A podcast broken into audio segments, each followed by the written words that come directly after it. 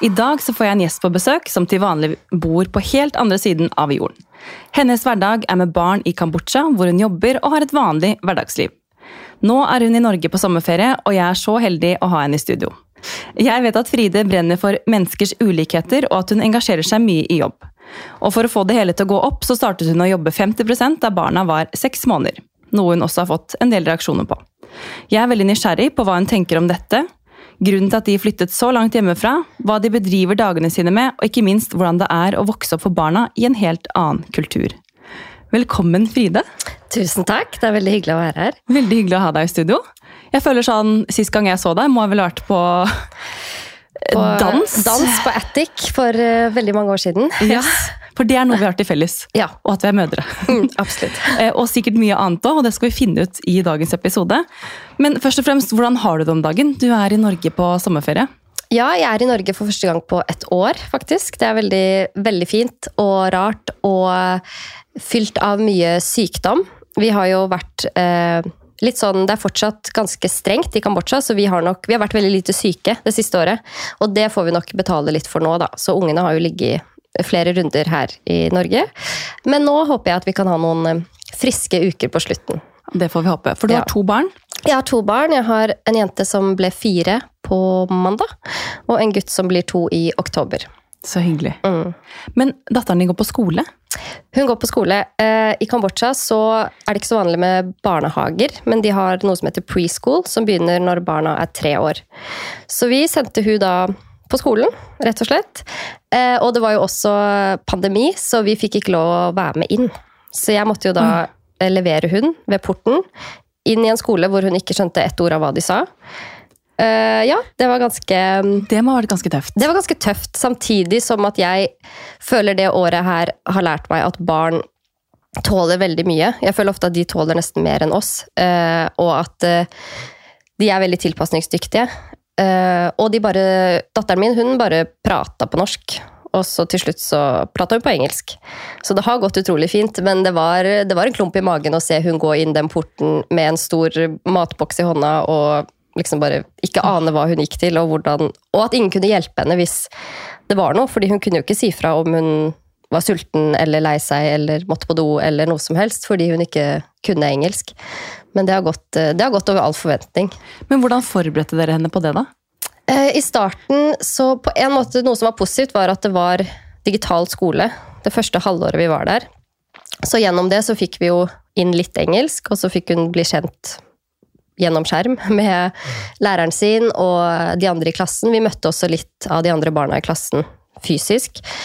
Eh, Men så prøvde vi bare å snakke masse om det, snakke veldig positivt om det. Jeg har veldig tro på at barn eh, plukker veldig opp hva vi sier, eh, hvordan humør vi er i, hvordan stemning vi er i. Så vi prøvde å snakke veldig positivt om skole, hvor gøy det blir. eh, Og bare være veldig eh, positive og si at det blir kjempegøy. Eh, Så det var egentlig sånn vi prøvde å forberede henne. Og så fikk vi også lov å komme og se på skolen, da, se på klasserommet og når skolen var stengt. For den åpna ikke før i januar. Men det var på en måte litt positivt at dere fikk det halve året digitalt òg, da, i forkant. Absolutt. Og det er jo det er jo så komisk, for de har jo også gym, for eksempel, digitalt med treåringer. Det er jo kanskje noe av det morsomste. Jeg følte Jeg veldig jeg med ja, han læreren som liksom skulle få det ut og ta pushups. Ja, det er jo et helt annet system. Vi fikk jo nå, rett før sommeren, fikk vi jo en academic report på henne, liksom. Så det er jo det er jo et helt annet system som vi ikke er vant til. Men for henne har det vært veldig fint. Hun er en som liker veldig godt eh, å være masse med andre barn og lære, og lære bokstaver og tall og alt mulig. Men det er jo tidlig, så jeg tenker jo noen er ganger litt sånn over det at jeg vil jo at barn skal kunne være barn, men samtidig så leker de mye, og de har mye fokus på kunst og kreativitet og de tingene der, så det føles bra, men det har vært en prosess å finne riktig skole og ja, føle oss trygge i det valget vi har tatt rundt det. Men du, Jeg gleder meg til å høre mer om det her, men før vi liksom går inn på mer liksom Kambodsja-praten, Mm. eh, og hvor dere er nå, og hvordan dere har kommet dit, så jeg, føler jeg liksom, vi må ta det litt tilbake. Mm. Eh, for jeg har jo sett deg, Sist gang jeg så deg, må jeg ha vært liksom på ungdomsskolen Mm. videregående, som da er veldig mange år siden. Men vi har jo mange felles venner og bekjente, så jeg Mm. vet jo veldig godt hvem du er, og følger deg på Instagram. eh, Og liksom sett litt livet deres der nede. Men hvis vi tar det tilbake, da, hva, hva gjorde du etter videregående? Mm. Jeg gikk på medier og kommunikasjon på, videregående. Og så hadde jeg lyst til å fortsette å studere kommunikasjon. Så da eh, begynte jeg å studere kommunikasjon på høyskolen, eller det som nå er Oslo OsloMet. da. Og jeg sleit egentlig litt gjennom hele studiet med litt sånn hva skal jeg jobbe med? Fordi jeg hadde veldig lyst til å jobbe med noe som, som jeg opplevde som viktig. Um, men så fikk jeg ha en praksisperiode i Fremtiden i våre hender, som er en stor miljøorganisasjon. Uh, og det var rett etter de hadde hatt den Sweatshop-serien, som er fra Kambodsja, om tekstilindustrien der. Uh, og når jeg var der, så fikk jeg litt den derre Oi, ja, dette er jo faktisk Det går an å bruke kommunikasjon til uh, å jobbe med noe innenfor bistand eller sånne type ting.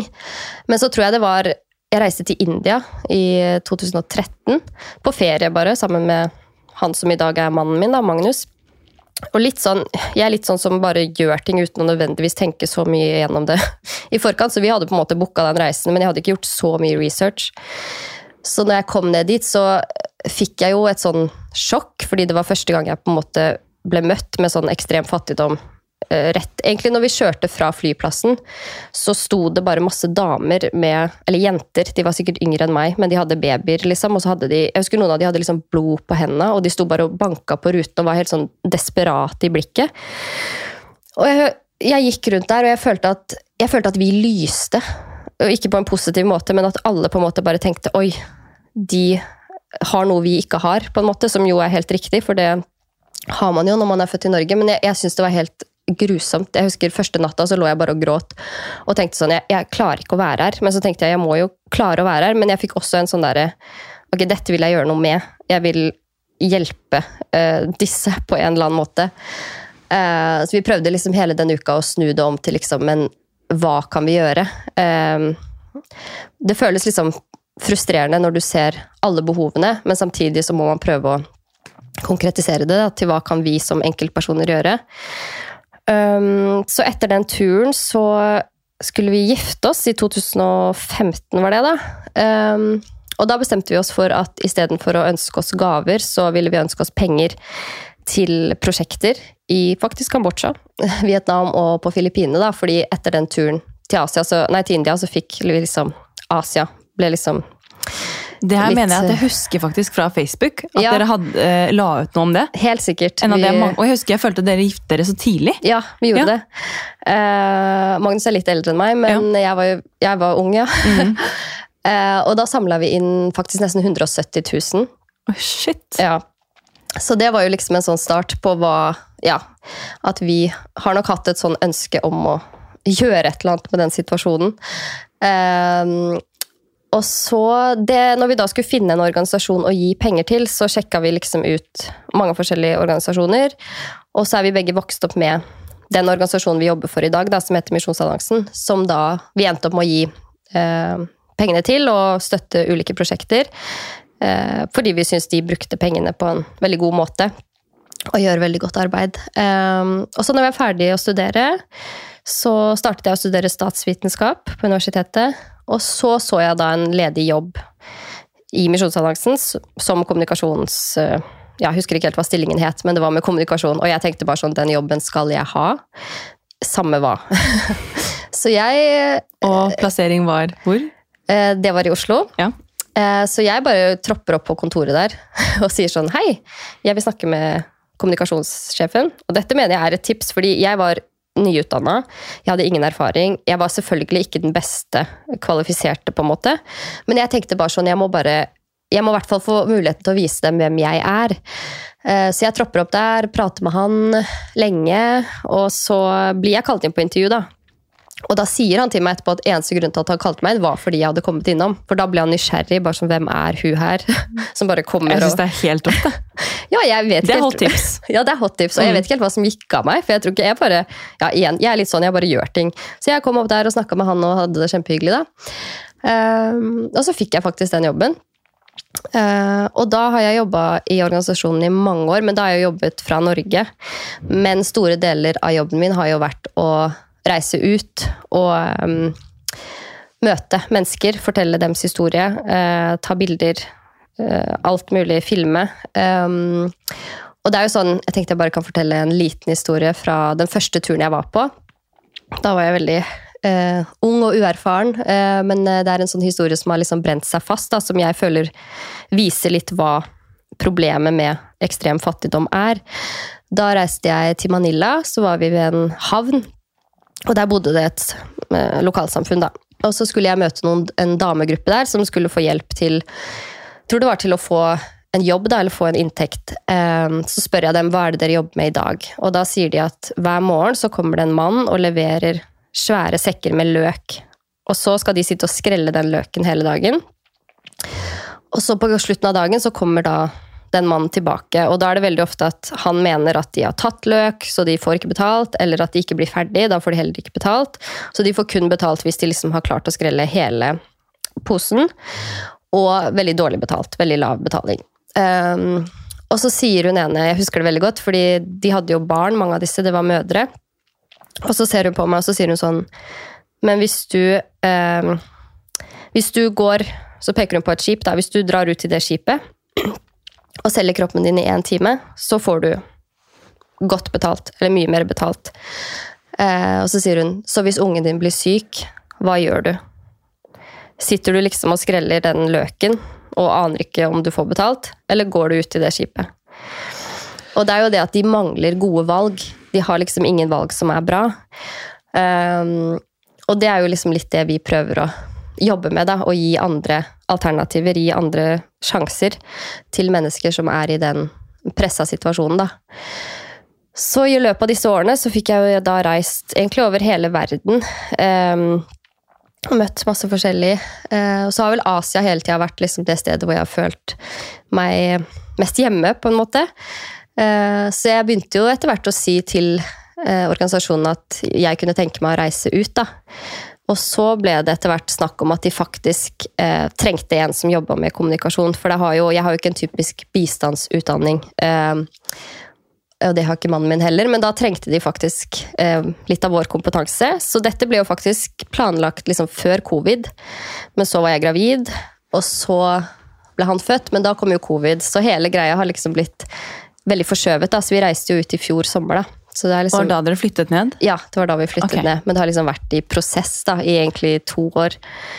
Så det har vært en eh, Jeg føler liksom jeg har vært på vei til Kambodsja veldig lenge, men vi har liksom vært der i ett år, da. Ja, fordi jeg prøvde å, Da jeg gjorde litt research, da, Mm. prøvde å gjøre litt sånn forarbeid her, Ja. så, eh, og jeg går inn på din Insta, så føler jeg at du har vært på reise siden 2013, nesten. Ja, jeg har egentlig det. Ja. Ja. Og sånn, så var jeg sånn Hvor lenge har dere egentlig bodd der? Og jeg har vært der ikke sant, på jobb tidligere. Ja. Eh, så jeg har liksom Ja, men det var i fjor sommer vi liksom flytta ned, da.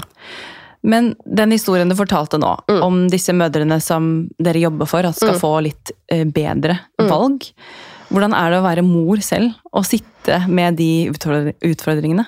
Ja, dette Jeg kjenner jeg grøsser bare av å Ja. høre den historien. For denne historien var før jeg ble mor, og Ja. den ga veldig inntrykk. Men etter jeg ble mor, så har det vært annerledes. Eh, og jeg var i Brasil, og da hadde jeg et møte med en mor som hadde en sønn som eh, var autist. Eh, og hun Jeg ble fortalt at hun tidligere var egentlig veldig sånn forsiktig, sa ikke så mye, var liksom litt sånn i bakgrunnen. Men når jeg møtte hun var hun bare den sterkeste kvinnen jeg noen gang har møtt. Hun var sånn, hun kjempet sånn på for sin sønns rettigheter, og, fordi de har rettigheter ofte. Men det er ikke alltid de får de rettighetene de har, så det er jo også en ting vi jobber med. Og hvilke rettigheter har dere, og hvordan kan dere kreve de?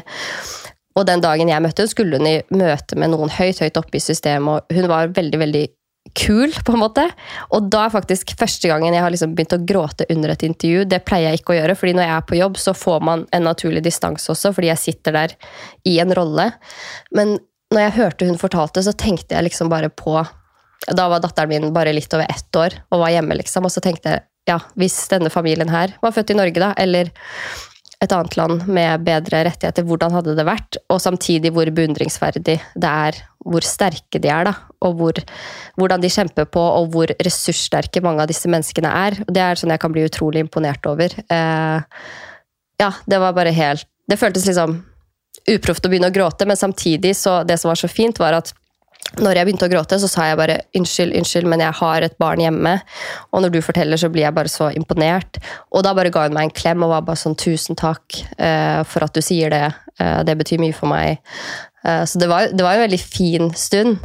Men det var også Det er ikke ofte det skjer, men det er klart det er ja, det er annerledes å høre de historiene også når man sitter der med barn selv og vet hvilken sårbar situasjon det er. Og tenke hvis man, ja, hvis man hadde vært født i et land da, hvor man ikke har det um, sikkerhetsnettet vi har her i Norge. Men innimellom så er det jo sikkert fint, hun har sikkert fortalt denne historien til flere. Mm. Og mange sitter sikkert på den siden av bordet som du, du gjorde. da, med den, Du har den profesjonelle hatten på deg Mm. Ja. og ikke skal gråte, men det at du faktisk begynte å gråte, som var en helt naturlig reaksjon, Mm. kanskje er litt fint for henne å se også. Ja, absolutt. Og det er klart det er, man hører ting som man eh, Ja, som man, eh, som man trenger å bearbeide, og som og følelser er Det kommer jo når man Og folk deler ofte eh, veldig åpent fra livene sine, og de har jo ofte vanskelige liv. Så det er jo klart at man blir veldig man blir veldig berørt. og Jeg var på Filippinene nå i april, og da, da så jeg f.eks. veldig mye barnearbeid. Og det er også sånt som jeg da eh, Når vi var der, så klarte jeg nesten ikke å snakke med de andre. For jeg var sånn, hvis jeg snakker nå, så begynner jeg å gråte. Fordi jeg syns det er så forferdelig. Altså Det verste jeg ser, er barn som jobber. Som skulle vært på skolen. Som skulle hatt et annet liv. Uh, ja, det er, det er det verste jeg ser. Åh, Jeg bare tenker på den hverdagen du har. Altså, Mm. Hvis vi ser litt tilbake til rett før dere reiste. da. Mm. Eh, Du fikk den jobben du ville ha, og så åpnet det seg en mulighet, og nå stikker vi til Kambodsja. Da var du gravid. Ja, når jeg skrev under på den kontrakten, så var det rett før, en måned før jeg fødte. Mm. Og så fødte du her i Norge. Mm. Eh, Men Magnus, mannen din, hva jobber han med? Han, eh, her i Norge så har han egentlig, han er gründer egentlig, så han har jobbet, Starta startet masse forskjellige eh, selskaper, så han, her i Oslo så har han da et eh, eventselskap som heter Holi. Eh, men så han skal også jobbe da med å skape arbeidsplasser i Kambodsja. Så da dere dro sammen ned, så var det liksom med mål om å jobbe der nede? Ja, Selv om han har på en måte noe han må holde ja han har noe her, men vi jobber begge for Misjonsalliansen eh, i Kambodsja. Så okay. vi er kollegaer også. Ja, så hyggelig da. det er også en ny Det er også en ny opplevelse, så det er eh, Han er en god kollega, altså. Men det er liksom mange ting da, som har endra seg det Mange året her. roller, Ja, mange roller. Man er Så liksom dere fødte da, eller du fødte da ditt, deres første barn her, mm. og så når dro dere ned? Eh, Vi reiste da i fjor i eh, august, så da var jo Esra minstemann, han var da ni måneder da vi reiste. Ja, Så han var jo egentlig ganske liten, selv om Ja. Og da var det rett på jobb, liksom. Nei da, da var det først 14 dager karantenehotell. Yay. Yay, som jo var et uh, veldig interessant uh, opplegg. Uh, det var egentlig, det ble liksom, Jeg grua meg veldig mye til det. Og jeg tror jeg satt sånn på do dag to og bare gråt. For jeg bare sånn Hvordan skal det her gå? Men så kom vi inn i en slags boble, faktisk. Så det gikk egentlig fint. Og så når vi kom ut, så uh, var jo ting Vi var liksom på hjemmekontor. Fordi det var fortsatt lockdown i Kambodsja. Og skolene var stengt. Så de første, vi er sånn, de første månedene er nesten som vi prøver å slette litt fra hukommelsen. Fordi det var liksom kaos. Vi prøvde å jobbe, men vi hadde to barn som var i et nytt land med nytt klima. Ehm, ja, det var egentlig veldig kaotisk. Men etter jul så føler jeg liksom at vi har begynt å få en mer sånn normal hverdag. Men det er først liksom egentlig den siste måneden før vi dro til Norge jeg følte sånn Oi, nå er det som en helt vanlig hverdag. hvor Litt mer flyt, Ja, litt mer flyt. Hvor det bare er sånn Oi, vi har litt sosialt liv, vi har litt vanlig jobbliv.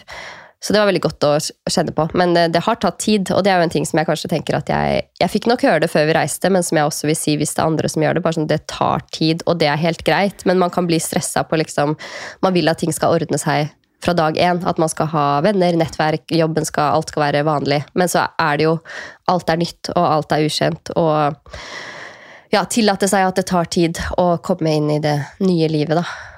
Men hvordan var det for venner og familie og sånt eh, at dere skulle reise? For nå var det jo ikke bare for en liten eh, jobbtur, det var liksom permanent Mm. Nei, det har jo vært Jeg syns folk har vært veldig støttende, da. Det må jeg si. Eh, og vi er jo som vi skal jo tilbake til Norge akkurat når det blir. Om det er ja, hvor mange år til vi blir, men vi skal jo være der noen år, på en måte. Men folk har vært veldig støttende, og ja, vi har egentlig hatt veldig fine venner og familie som har vært veldig flinke til å ringe oss. Man har jo heldigvis FaceTime. Det er jo veldig annerledes enn før, hvor de kanskje ikke snakka sammen. Så jeg føler at barna våre får jo sett besteforeldrene sine i hvert fall via FaceTime. Og nå neste år skal vi jo få litt mer besøk. Det har ikke vært så lett å få besøk pga.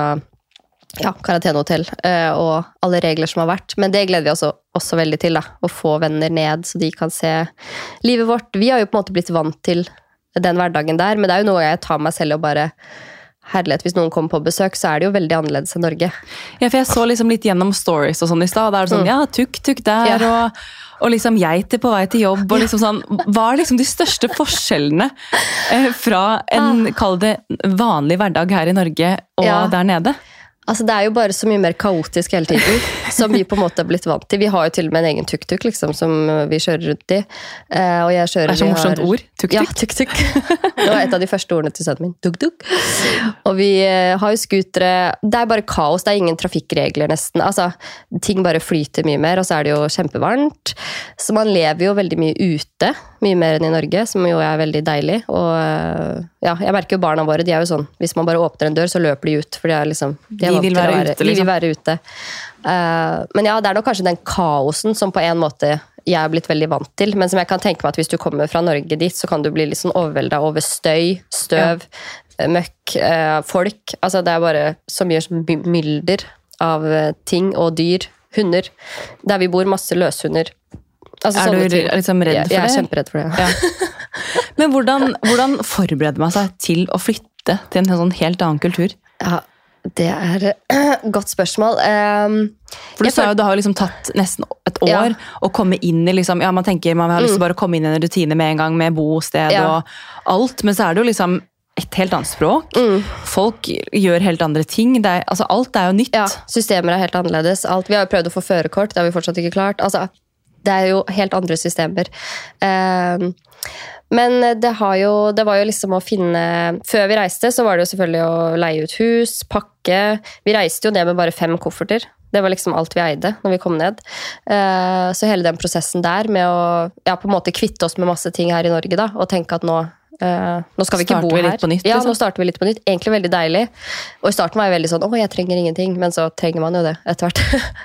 Så- det høres litt deilig ut, da. Ja, det var Kvitte seg med ting. Kvitte seg med ting og bare rydde. Og bare vite at når vi drar fra det huset nå, så er det liksom nesten tomt. Um, så det var jo masse pakking, masse papirer, og vi, heldigvis så har vi en organisasjon uh, i ryggen. Hadde vi gjort det her helt på egen hånd, så er det jo sikkert masse papirer jeg ikke har vært så mye borti som de har fiksa. Så vi har jo vært veldig heldige sånn sett. Uh, fikse skoleplasser, fikse ja, hus. Nå har vi flytta en gang, men vi hadde jo et hus når vi kom ned, og så har vi måttet finne et annet hus. Og det er jo også sånn Det er ikke finn.no, på en måte. Du kan ikke liksom bare søke. Eh, Så vi var jo på tusen visninger, og for eksempel da, typisk Kambodsja er sånn Det er bilder, for eksempel, masse fine bilder av et hus og en stor balkong, og så kommer du, og så er det ikke balkong. Og så spør man ja, men det var jo balkong. Nei, det er fra et annet Det er fra et annet hus. Det var ikke dette huset. Så Alt er bare så mye mer sånn kaotisk. Så det lærer man seg jo etter hvert. Uh, jeg har Du må ikke ta ting for god fisk der. Nei, faktisk ikke. Man må liksom sjekke, da. Eh, Jeg har jo gått litt på språkkurs for å prøve å komme litt inn i det, for det hjelper deg jo litt på veien. Men ting tar jo tid, og i og med at i starten så hadde vi barn hjemme, og det var liksom en veldig sånn kaotisk, så har jo ting tatt litt lengre tid enn det jeg tror det hadde gjort i en normal situasjon. Da. Men det er jo tusen ting som skal på plass, eh, små og store. Men vi har heldigvis hatt god hjelp, og vi har jo også et kontor der nede med fantastiske lokale medarbeidere som har hjulpet oss masse med å kjøpe inn ting, fikse ting. Hvor finner jeg det, hvor finner jeg det? Det er jo også en sånn jungel, ikke sant. Bare skulle finne sandaler til barna, liksom. Sånn, ja, hvor gjør jeg det? Altså, alle sånne ting. Hvor du er vant til å bare, da går jeg dit. Så det er masse sånne ting da, som du må på en måte lære på nytt. Så nå føler jeg jo etter et år at vi har begynt å vite litt hvor vi får tak i forskjellige ting, og ja, hvordan det funker i Kambodsja. Men det er jo fortsatt masse ting vi ja, må spørre om hjelp om. Og litt det å tørre å spørre om hjelp. Tørre å spørre folk. Og jeg fant også veldig mange bra Facebook-grupper, som også er et sånn tips hvis man skal gjøre det. Eh, for foreldre der nede, eh, hvor du bare kan spørre om alt mulig, og folk har masse svar. Og folk er veldig behjelpelige. Folk har vært veldig åpne. Og ja, det er fint å komme til et sted hvor det er mange som flytter. Det er jo mange fra hele verden som flytter. Eh, til bl.a. Kambodsja. Da. Og da er det jo et stort miljø for et internasjonalt miljø. Da. Og da er det jo mange som har gått igjennom det samme. Men er det da mange som flytter av samme måte, årsak som dere? At de Ja. jobber i samme hva skal jeg si, øh, Ja, bransje? På en ja måte? det er ja. liksom bistand og eh, ambassader og ja, mye forskjellig. Folk som jobber på disse internasjonale skolene. Men hva, har dere fått dere noen norske venner der nede, da? Nei, det er ikke så veldig mange norske der nede. Eh, men vi jobber med en norsk-svensk familie. eh, og så er det mye amerikanere som vi også har blitt venner med. Også, I starten er det jo liksom på en måte enklest å bli venn med de som du kan prate med. Men så håper vi også veldig etter hvert at vi får også lokale venner. da. Det er jo, når, er, når man har bodd i et sånt land, så vil man jo selvfølgelig også bli kjent med de lokale. Men eh, siden datteren vår går på en internasjonal skole, så er det jo mye gjennom det. Eh, og det er jo veldig gull når man har barn. Da. Man får jo på en måte nettverk litt via de, og at de møter folk og barn i klassen som de leker med, og så møter man foreldrene. Og, så det har jeg vært veldig glad for. Egentlig at vi har flytta ned med små barn, da. Selv om det også er, det er fint og krevende, selvfølgelig. Ja, for det er litt sånn det er sånn man alltid er nysgjerrig på, men han var liksom det beste og det verste med å liksom ha flyttet på andre siden av jorden, da.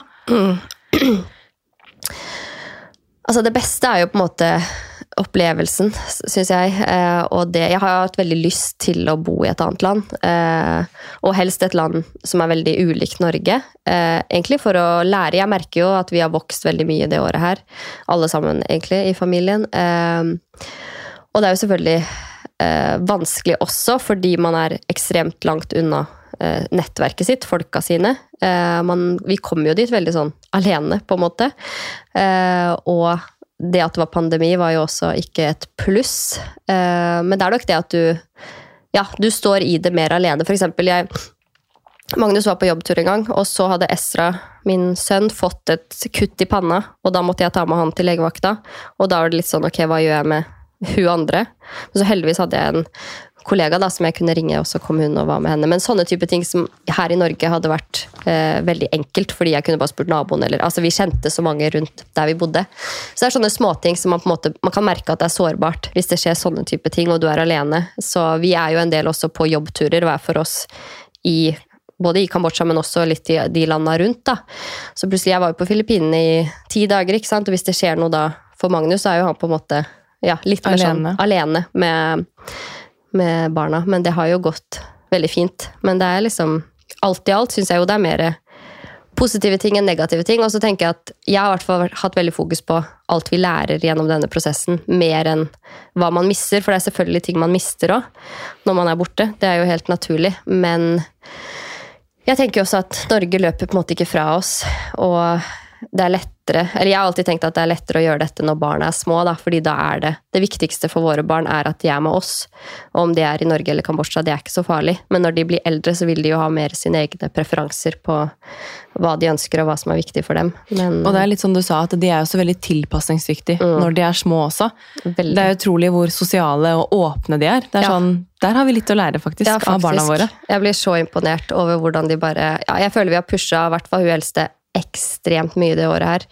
Men eh, hun har takla det, og ja, jeg syns det er veldig gøy å se hvordan hun bare hopper ut i ting og prøver å prate engelsk og leke med barn, masse med barn hun ikke kunne prate med i starten. Og vi pusha henne igjen og igjen og igjen, og bare 'nå drar vi dit, nå gjør vi det', du, du, du. Til slutt var hun alene hos venner som bare snakka engelsk, liksom, og hun syntes det var greit. Men det er sikkert også litt sånn, hvis andre er i samme situasjon, eller tenk, kunne tenke seg å flytte til et annet sted, så syns jeg det høres ut som et godt tips. da, Å la altså sånn bare på en måte, hva skal jeg si, ikke utsette de for, men bare liksom motivere til å gjøre det flere og flere og flere Ja. ganger. fordi at i og med at de er så tilpasningsdyktige, så vil de jo etter hvert finne sin vei. Ja. Og lek trenger man jo ikke så mye språk til, egentlig. Nei. Fordi de, veldig ofte så prater de jo ikke så mye når de leker, spesielt når de er så små. Nei, Da er det jo kroppsspråk, på en måte, og det forstår de jo veldig ofte. De klarer å kommunisere. Så jeg tror det at man kanskje noen ganger er litt redd for å pushe barn, og det er selvfølgelig forskjell på barn. Eh, datteren vår er veldig sosial, og jeg, hun, er, hun har på en måte tålt det. Men jeg tror det å liksom kanskje pushe de litt mer enn det man føler er behagelig noen ganger, er bra, da. Har i hvert fall vært det i den situasjonen her. For det har jo vært selvfølgelig ganger hun har grått og sagt 'jeg vil ikke', 'jeg vil ikke på skolen', 'jeg vil ikke ditt og datt og datt'. Men så har jeg jo visst at det blir bra til slutt. Men Det er vi ikke sånn at du har gjennom utsatt henne for noe som du vet ikke er bra. Nei, måte. og vi må gjennom det. Og det er jo samme når de begynner i barnehage i Norge. De gråter jo ofte da òg, ikke sant. Så det er jo bare den Yes. derre Det er nytt, det er annerledes. Og så nå er hun liksom Nå savner hun skolen og vil tilbake til Kambodsja fordi hun vil på skolen, så det blir Det går seg til. Det går seg til. Men du, em, har du liksom alltid vært så eventyrlysten? Og sånn det handler jo ikke bare om eventyr, for det handler jo også om mye at du ønsker å gjøre en forskjell for mennesker. Og det er på en måte virker ut som det er den største motivasjonen her. Mm. Men har du alltid måte, har du alltid vært sånn? Ja, jeg tror Jeg har flytta ganske mye hele livet, egentlig. Um, så jeg har liksom bodd Ja, var født i Oslo, bodd her noen år, bodd i Trøndelag, bodd i Drammen, så i Oslo. Så jeg har liksom Jeg har nok ikke hatt så veldig sånn røtter noe sted. Jeg har nok vært litt sånn rotløs med at jeg kan bo mange steder. Og gjennom mamma og pappa sett at uansett hvor vi har flytta, så har vi fått oss et nettverk. Vi har fått oss et uh, fint uh, hverdagsliv. At det går an, da, selv om man flytter til uh, forskjellige steder av Norge.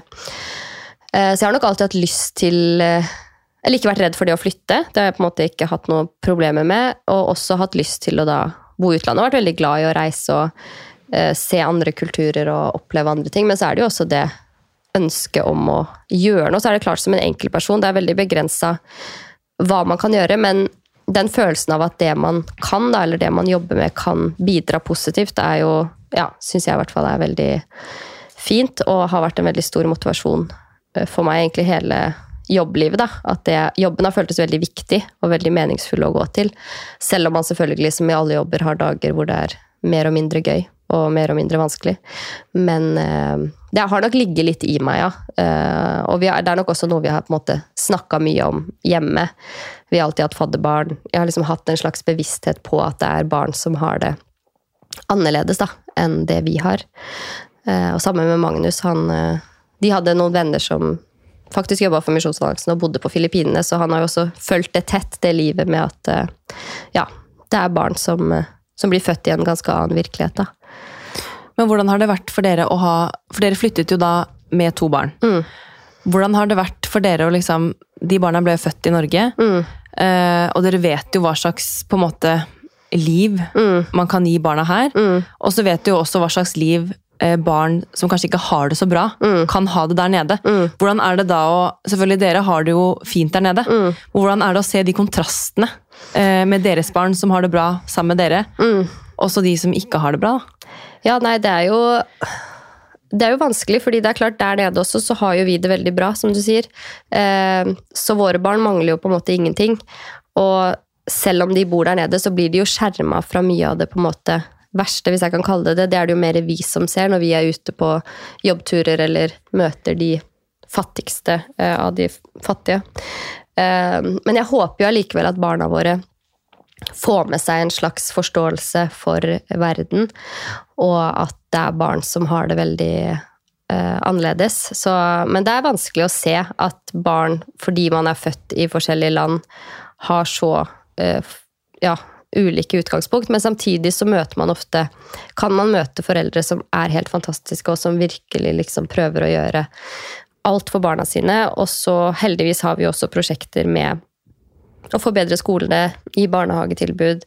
Eh, små, små ting som kan gjøre en stor forskjell da, i disse barnas liv. Så det er jo på en måte målet, at man kan hjelpe til å løfte ja, barn i Kambodsja, og at de kan få en bedre framtid enn å sitte og eksempel jobbe i tekstilindustrien. Da, eller de stedene vi Jeg hadde jo også en gang jeg møtte en mor eh, hvor jeg spurte hva jobber datteren din med.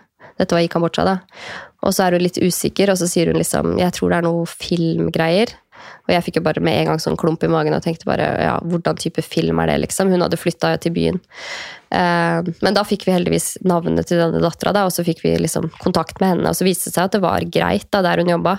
Men det er jo noen ganger det å se også at du møter foreldre som bor på landsbygda, og så aner de egentlig ikke hva barna gjør i byen, fordi de har reist i byen for å tjene penger til familien. Eh, For det er sånn at den eldste datteren i familien har på en måte et ansvar for familiens økonomi. Da.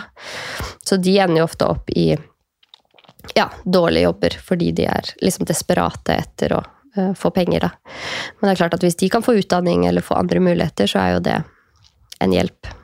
Og det er mye av deres jobb også, eller? Mm. Å, å hjelpe de Ja, mm. vi har jo mye prosjekter innenfor ja, å forbedre skolene, og også at folk skal få inntekt. Da. Om det er med at de er bønder, forbedre hva de dyrker, eller det kan være ja, små og store ting.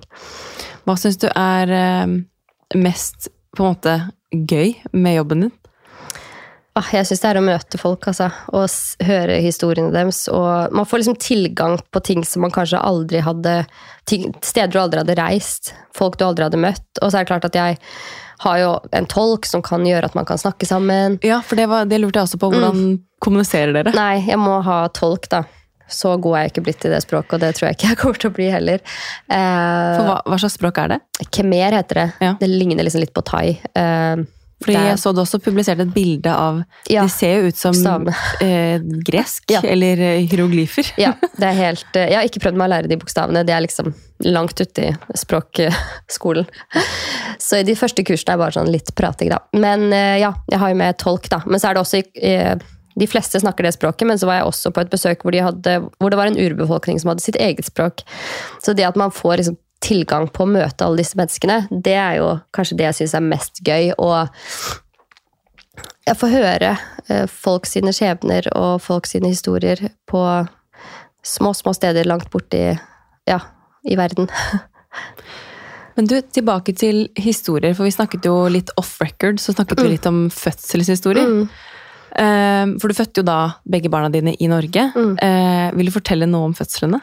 Ja, jeg har jo litt sånn derre Jeg vil ikke si det er en kampsak, altså, men jeg eh, Jeg mener jo at både som foreldre og som fødekvinner så er vi veldig forskjellige, og jeg tror nok at jeg hadde Kjente litt på et sånn derre press eh, før jeg skulle føde første gang, om at dette skulle jeg gjøre uten smertestillende, og jeg skulle, dette skulle jeg på en måte få til. Som at, ja. Eh, Så jeg hadde da søkt meg inn på ABC, og jeg var veldig veldig fornøyd med den oppfølgingen jeg fikk der. Og jeg syns jo det var veldig fantastisk at man kan gå til samme jordmor og, og det. Men så hadde jeg en veldig, veldig lang fødsel. Og det stoppa på en måte helt opp. Eh, Så mandag Jeg kom inn på sykehuset mandag morgen. eh, Holdt på hele mandag, og så hele tirsdag. Og da var det en veldig fin jordmor da, som kom på tirsdag kveld. Hun hadde vært på jobb mandag kveld også. Så kommer hun tilbake tirsdag kveld, og så ser hun på meg og så sier hun bare 'Jenta mi, er du her enda?' For da hadde jeg jo liksom vært der i to døgn. Og da var hun bare sånn eh, 'Nå, det her går ikke, liksom. Du, du kan ikke føde på ABC. Du må over på vanlig, vanlig føden. Du, skal, du skal ha epidural, du skal ha drypp, du skal dytte og datt og datt. Jeg var helt i ørska. Eh, for jeg var også en ting jeg ikke var forberedt på, som jeg også Jeg har sikkert hørt det, men jeg tenker at man ikke kan få sagt det nok, det er det at jeg begynte å spy. Og det begynte jeg med veldig tidlig i fødselen, og det bare fortsatte og fortsatte. og fortsatte. Så jeg hadde jo ingen energi, selv om jeg prøvde å spise og drikke og alt mulig, så bare alt kom opp. Ehm, Så ble jeg flytta da. Og da begynte det liksom til og med nesten å bli litt sånn kritisk, fordi da hadde jeg vært der så lenge, og jeg hadde jo ikke fått i meg noe ordentlig mat og drikke, så jeg begynte å få feber. Og jeg opplevde det som litt sånn stressende stemning der nede, og så heldigvis så gikk det og liksom stabiliserte seg. Og så Heldigvis, da, så når jeg ble flytta, så gikk ting litt fortere, for da fikk jeg drypp, og jeg fikk eh, epidural og alt mulig. Og så ble hun født da natt eh, til onsdag. Men da når hun kommer ut, så når de legger hun på brystet mitt, så er hun bare helt som en sånn potetsekk. Jeg bare kjenner at hun er bare sånn, hun bare faller liksom opp på meg, liksom. Og hun var helt sånn mørkelilla og helt stille. Og så, Jeg hadde ikke hørt det her, da, men Magnus sier at rett før hun kom ut, så hadde de sett på hverandre og bare 'Den ungen må ut nå'. Eh, og det er heldigvis på en måte at jeg ikke hørte det, da. Og så blir hun født, og så bare løper de ut med henne. Eller hun blir lagt på brystet mitt, og så løper, løper de ut. Eh, og så står jeg og Magnus igjen, da, og så er det en stakkars jordmor der inne. Og så har jeg fått vite av venninner som er sykepleiere etterpå, at de har ikke lov til å si at det går bra. For de vet jo på en måte ikke at det går bra.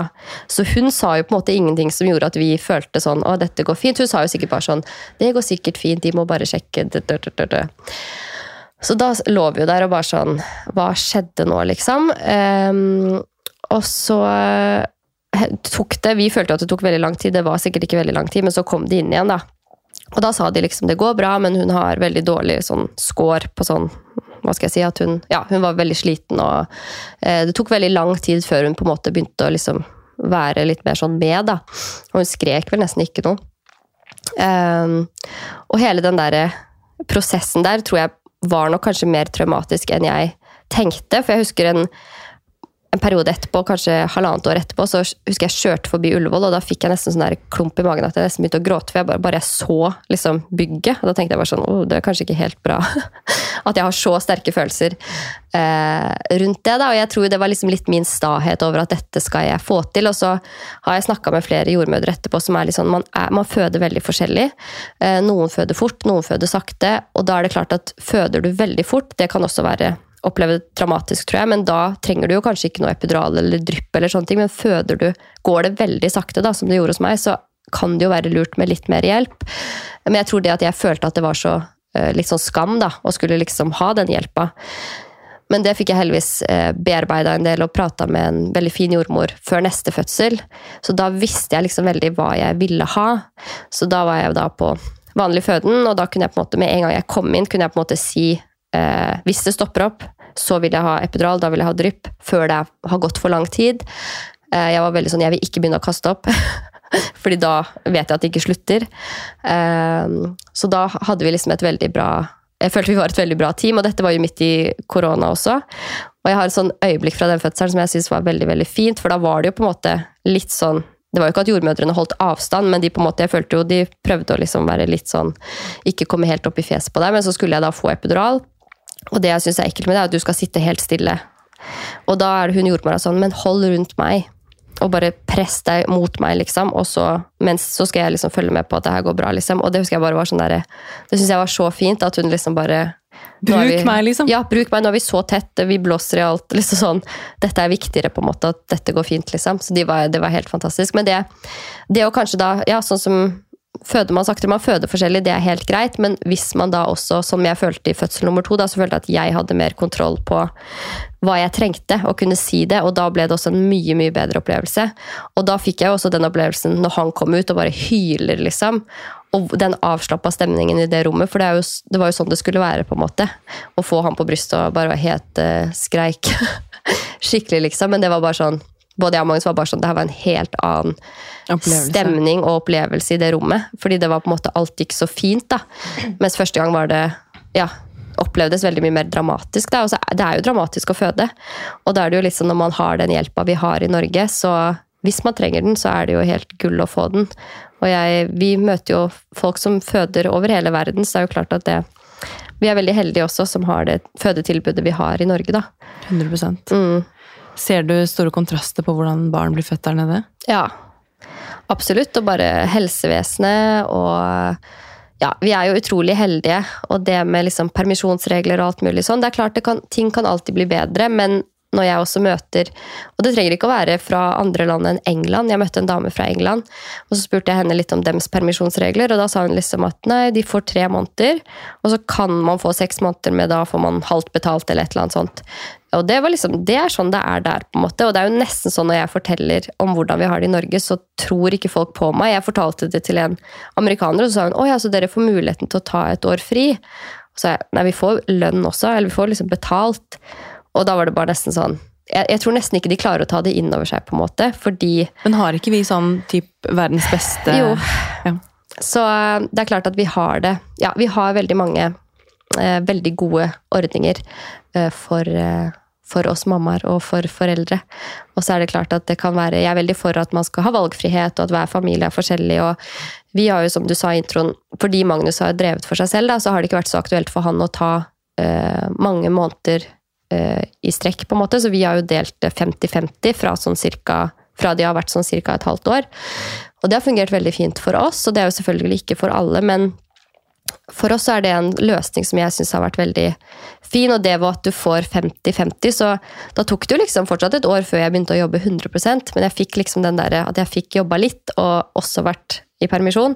Som jeg syns egentlig var en helt sånn fantastisk tid, da, for da fikk jeg på en måte både Eh, vært på jobb og syntes det var kjempegøy og følte at jeg var eh, ja, fikk brukt hodet og sånn. Og så fikk jeg også hatt de dagene i perm hvor jeg da kunne bare nyte det ekstra mye. Og det at også Magnus har kommet inn så tidlig, har jo gjort at han er veldig ja, han har alltid vært veldig trygg på, på å være med barna alene og på ja, at vi kan dele oss opp og at den ene kan gjøre ting og reise på turer og som har vært en del av vår hverdag. da. Perfekt. Mm. Men uh, nå er dere i, i Norge hvor lenge? Eh, altså, nå har vi faktisk bare ti dager til, eller noe sånt. Ja, vi reiser hjem eh, mm, snart. snart. Hvordan er det å si ha det til venner og familie og sånn når dere drar? Ah, nei, det begynte å gå litt sånn opp for meg i dag, egentlig. fordi nå reiser vi fra Oslo i morgen. Så skal vi ned til Sørlandet den siste tiden. Så nå er det liksom sånn ja, innspurt på Oslo-livet, da. Så det er jo trist, men samtidig så er det veldig godt å kjenne på at vi gleder oss til å komme hjem til Kambodsja. Sist når vi reiste, så visste vi jo ikke hva vi kom til. Så da var det på en måte litt mer sånn Nå har dere et hjem. Ja, jeg gleder meg veldig til å komme til huset, til vennene våre, til jobben. Og bare Ja, livet vårt der nede. Det har jo vært veldig rart. Vi har jo ikke noe hus her. Vi er jo Nei, liksom, hvor, det, hvor er dere bor når dere er hjemme? Nei, vi, bor, vi har bodd mye hos foreldrene våre, da. Ja, Så her i Oslo bor vi hos mine foreldre, og så bor vi hos Magnus sine ja fordi på de bor ikke i Drammen? Nei. Nei. De også flytter rundt, vet du. Å ja. Så flyttende familie. dere, vet du. Ja. Nei da, så de bor her i Oslo, så Ja, så vi Men det blir, det blir trist, men samtidig så Det har vært veldig fint, og så tar man liksom med seg det, og så gleder vi oss også veldig til å dra hjem. Og det var jeg så spent på hvordan vi kom til å føle, men det er litt godt å kjenne på det òg. Blir Da vet dere at dere på en måte har tatt riktig beslutning for tiden som er nå, i hvert fall. Ja, absolutt. Du, På slutten her så skal vi gå gjennom litt lyttespørsmål, fordi jeg la ut på Instagram at du skulle komme på besøk i studio, og da har det kommet inn noen spørsmål. Mm. Eh, Det kan jo hende folk har fått litt svar på spørsmålene underveis, men jeg tar det likevel. Ja. Eh, Hvorfor flyttet hun til Kambodsja? Var det planlagt før og etter barn, og savner hun Norge? Ja, vi flytta jo ned pga. jobb, i hovedsak. Eh, og om det var planlagt Vi har egentlig tenkt på det lenge, tror jeg. Det å flytte eh, til utlandet. Og fordi gjennom min jobb så har jeg vært veldig mye rundt, og da har jeg ofte møtt familier som har bodd eh, sånn som vi gjør nå. Og det tror jeg også har vært, vært med på å gjøre det enklere å gjøre det, fordi jeg har sett det hverdagslivet. Jeg har til og med ofte bodd hos de når jeg har vært på tur. Så da har jeg på en måte sett at å, det her går superfint. Og så har jeg også sett at uh, og ønsket at, å gjøre det med små barn. Da. For jeg har sett at det kanskje på en måte kan være enklere, samtidig som det er jo heftig å ha små barn. Så det er klart, du flytter jo vekk fra alle barnevakter og fra all hjelp. på en måte. Du har jo fortsatt de samme hverdagsutfordringene som vi møter her i Norge, liksom. Ja, så er det noen dager jeg er sånn «Mm, Var det lurt? Hvor er mamma?» Men, ja, hvor er besteforeldre og tanter? Men eh, det er alt i alt mest eh, fint, altså. Så det, det har vært på en måte, i hvert fall. Vi har sagt veldig lenge vi skal gjøre det en eller annen gang. Det har vi på en måte bestemt oss for siden sikkert da vi gifta oss, på en måte. Um, men så var det også litt Det begynte faktisk å komme opp snakk om det eh, når vi bare hadde ett barn. Men da var jeg sånn mm, Jeg vil kanskje ha to barn når vi gjør det, bare fordi da Jeg vet ikke helt om jeg ville fått barn eh, i et annet land. Er jeg har jo jeg har en venninne nå som bor i Ecuador og som skal føde nå, liksom. Så det er jo folk som gjør det, og det går jo også helt fint. Men jeg har jo hatt ja, ikke de enkleste fødslene, så jeg har ikke vært så aktuelt. Så da var jeg sånn Ja, vi må få vi får få to barn, da, og så kan vi gjøre det. Så det og hva var det hva jeg savner med Norge? Mm. Åh, jeg savner naturen. Eh, å kunne gå. Det er sånn, I Kambodsja er det er ikke lagt opp til å gå. Eh, det er lagt opp til å kjøre scooter, så jeg føler vi blir veldig sånn inaktive. Eh, Er det liksom parker eller Ja, litt. Men ikke på samme måte som her.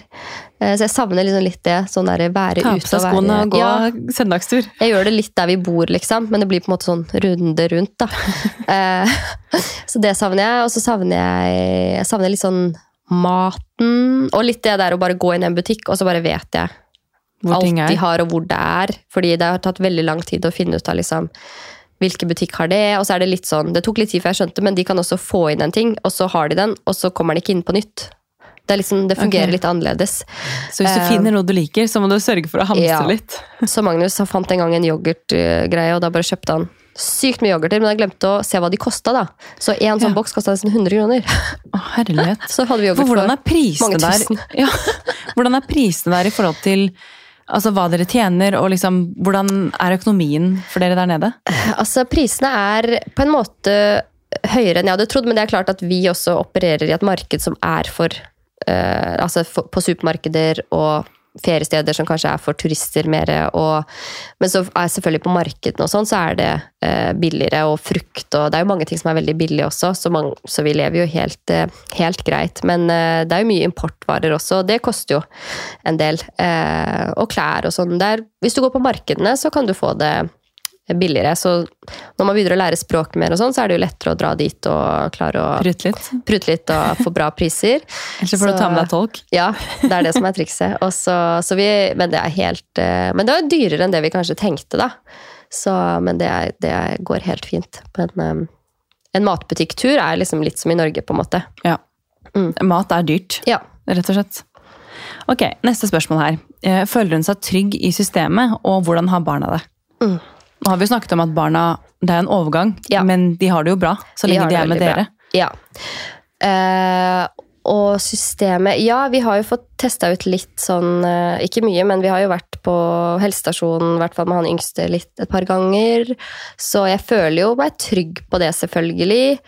Eh, Men så vet man også at det er visse ting som f.eks. hvis man trenger blodoverføring, så er det noen ganger at man blir sendt til Thailand. Altså, det er visse ting vi vet om, da, som er på en måte fint å vite om. eh, Som vi også fikk vite før vi reiste.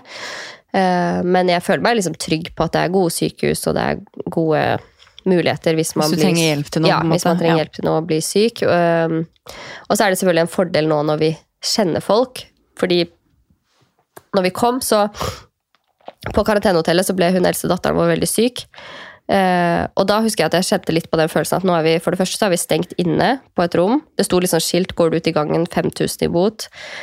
Og jeg har ikke peiling på liksom hvilke sykehus fins, hvilke er gode. Jeg hadde kanskje fått noen oversikter, men jeg hadde på en måte ikke noe erfaring. Men nå så vet jeg liksom Vi drar til det sykehuset. Ok, vi drar dit hvis det skjer.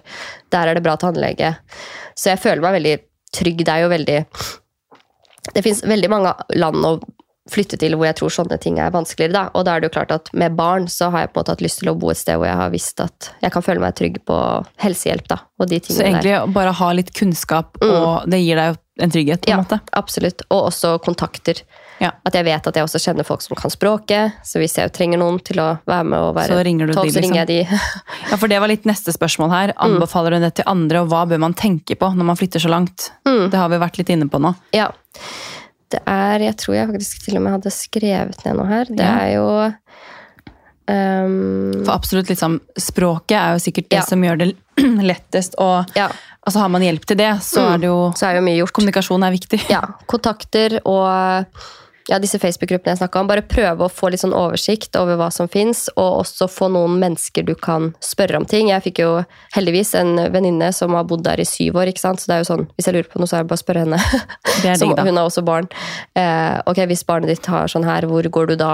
Jeg trenger å få kjøpt Hva dette. bør jeg kjøpe, liksom? Ja. Så jeg driver jo og spammer med spørsmål, men det får vi satse på at det er greit. Så det å liksom finne noen som kan, ja, som har erfaring og kunnskap, da, og så er det jo også, vi er heldige fordi vi også jobber med lokale, og de har jo en helt annen kunnskap enn det vi har, selvfølgelig, fordi de bor der og er derfra og snakker språk og alt. Så det å bare ja, rett og slett ikke være redd for å spørre om ting, og ikke tenke at man er dum. Fordi selvfølgelig man har flytta til et helt nytt land. Og jeg må også bare si jeg har fått så enorm respekt for folk som også kommer til Norge, og som lærer seg språket, som setter seg inn i systemer. Fordi det er, det er heftig, liksom, når alt er nytt. Og ja, bare sånn som det at vi har prøvd å fikse et førerkort. altså det kan føles noen ganger håpløst, fordi når du ikke kan språket, og du vet ikke helt hva det er, kravene er, så kan du fort ende opp med å bare gå litt i ring. Da. Så det er, eh, det er en jobb, men også være tålmodig og bare tenke at det tar tid å lande. Og eh, heldigvis har vi tid til det, men eh, ikke stresse med å Så egentlig hvis man skal flytte såpass langt unna, så bør man kanskje tenke litt mer enn et år, da. Faktisk. Jeg tenker å- det. Ja. Jeg er veldig glad for at uh, vi ikke bare skulle være et år, fordi det hadde bare flydd. Og det er jo først nå i det siste jeg føler at vi litt begynner å komme inn i ting. Og så vil jo det neste Skulle du liksom tatt barna hjem nå, Ja. så hadde det blitt på en måte litt, føltes litt feil òg, kanskje? Ja, absolutt. Og man investerer jo liksom man, For meg har det også vært viktig å liksom finne et hus vi trives i, lage det hyggelig der, så vi føler at det er hjem. Og det å bare gjøre det for en litt lengre periode, og så for barna, og hvis de på en måte skal få noe ut av det, så tenker jeg at det er fint at de er der en stund og kan få vennskap som kan vare litt, kanskje, da. Og som vi også kan eh, ha kontakt med etterpå, og språk også. Jeg tenker jo det at de får med seg engelsken, det er også veldig verdi, tenker jeg, da. Men har dere tenkt, har dere sett noe timeline foran det? Altså sånn, om tre år flytter vi til Norge, eller, Det er litt sånn usikkert akkurat nå. Eh, eller er hvor- dere åpne, liksom? Vi er litt sånn åpne, men det er jo også med i, i eh, hva skal jeg si, dialog med organisasjonen. Og, men vi håper jo liksom at det blir eh, noen år til, er jo målet, liksom. Og det tror jeg. Ja. Men når du jobber med de tingene, eller når dere da, jobber med de tingene dere gjør, som er såpass viktig, det er jo Mm. ofte livsviktig for Mm. enkelte mennesker, og dere gjør jo virkelig en stor forskjell for mange mennesker. Hvordan er det da å liksom Klarer dere på en måte å bli fornøyd med jobben dere gjør? Hvis du skjønner litt spørsmålet. Fordi Mm. eh, hvis man tenker sånn Ja, men nå skal jeg gjøre dette, jeg skal bli fornøyd med dette, hjelpe disse og disse, og så skal man hjem. Skjønner du? Ja. Altså sånn, er det sånn, Blir du noen gang fornøyd? Eller føler du at du alltid kan gjøre mer? Ja, jeg, man kan alltid gjøre mer, men så blir det jo også Jeg er jo ikke den som står liksom på bakken og eh, hjelper, på en måte. Vi, I min jobb er jo mye å på en måte klare å kommunisere det vi gjør til folk i Norge, og da få inn penger er jo på en måte det vi eh, organisasjonen trenger for å få gjort disse prosjektene. Men det er jo klart at man kan bli eksempel første gang jeg var i Liberia, i Afrika, så husker jeg at jeg bare, vi kjørte gjennom byen der, da, så tenkte jeg bare sånn Her er, her er det uendelig med behov. Altså, det er egentlig ingenting som fungerer. Eh, her kan vi egentlig gjøre alt, men så må man jo velge seg ut noe som man jobber med, og som man blir god på. Eh, men jeg tenker nok mer sånn at det blir en Det er jo et eh, prosjekt eller en det med fattigdom det er jo på en måte dessverre en ting som er veldig veldig, veldig stort. Eh, Så for meg blir det jo mer sånn ok, prøve å få mest mulig erfaring, lære mest mulig som man kan ta med seg tilbake. Og så aner jeg ikke hva jeg vil holde på med etterpå, men uansett at det er noe man da kan bruke. Eh, Man kan gjøre det bedre, man kan bli flinkere, man kan uh, lage kampanjer som får inn mer penger. Uh, mer det fokuset, fordi de problemene vi jobber med, er så store at man vil aldri på en måte kunne si uh, done, ferdig. liksom. Vi, ja, det er Da ikke behov for oss mer. Det er jo Nei. målet, selvfølgelig, at det ikke skal være behov for det. Men det er jo langt fram i tid veldig mange steder. Men er du flink til å gi deg selv en klapp på skulderen, da? Eller føler du at du alltid det er mer å gjøre? Det er jo alltid Ja, det er jo mange behov, og det er jo alltid mer å gjøre, men jeg, jeg prøver å være eh, flink til å liksom kunne tenke at eh, Oi, der klarte vi å fortelle en historie. Det er jo det jeg ønsker. Liksom, de historiene jeg hører, hvordan kan de formidles sånn at en som sitter og leser det hjemme i Norge, kan få litt samme følelsen av å være der? For det er klart at det er jo det sterkeste. Eh, å få se det med egne øyne. Men eh, det å klare å formidle det er jo ja, det er jo målet, da. Så lykkes man jo med det litt i ulik grad, tror jeg. Men uh, prøver i hvert fall ja, noen ganger kunne tenke at oi, her klarte, klarte vi kanskje å få fram noe, da. Det må være en god følelse. Mm. Uh, og helt til sist eh, Ja, det var liksom de beste tipsene med å flytte, men det har vi egentlig vært liksom litt nå. Mm.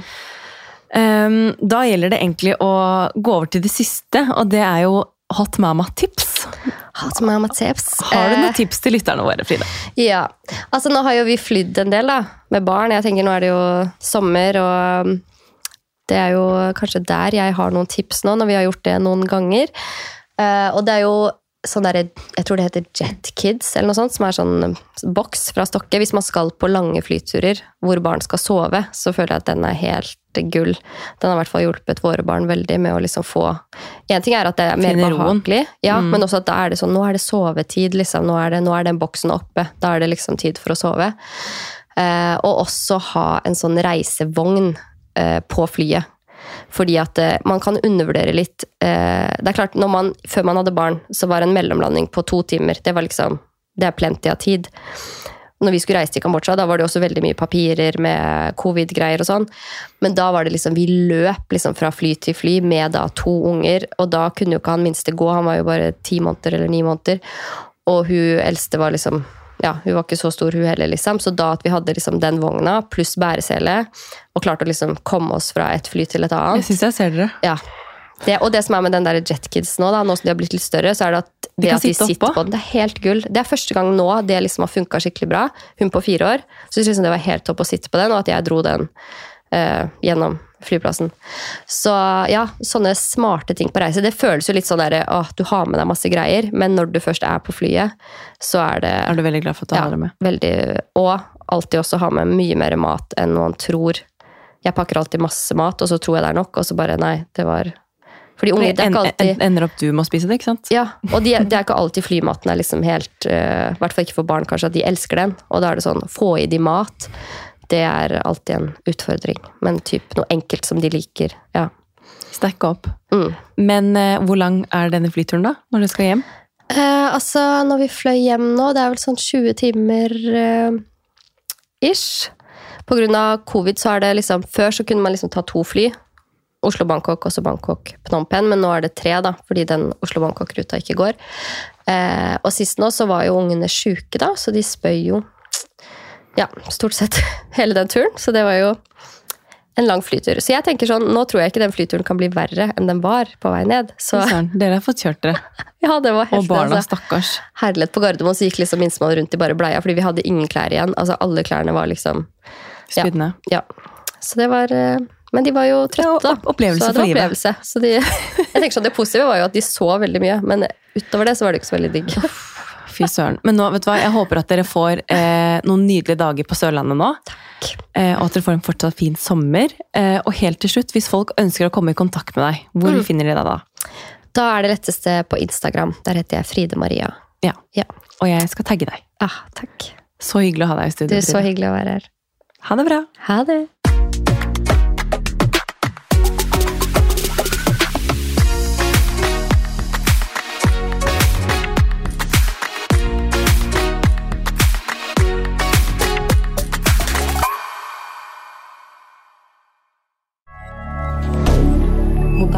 regarder.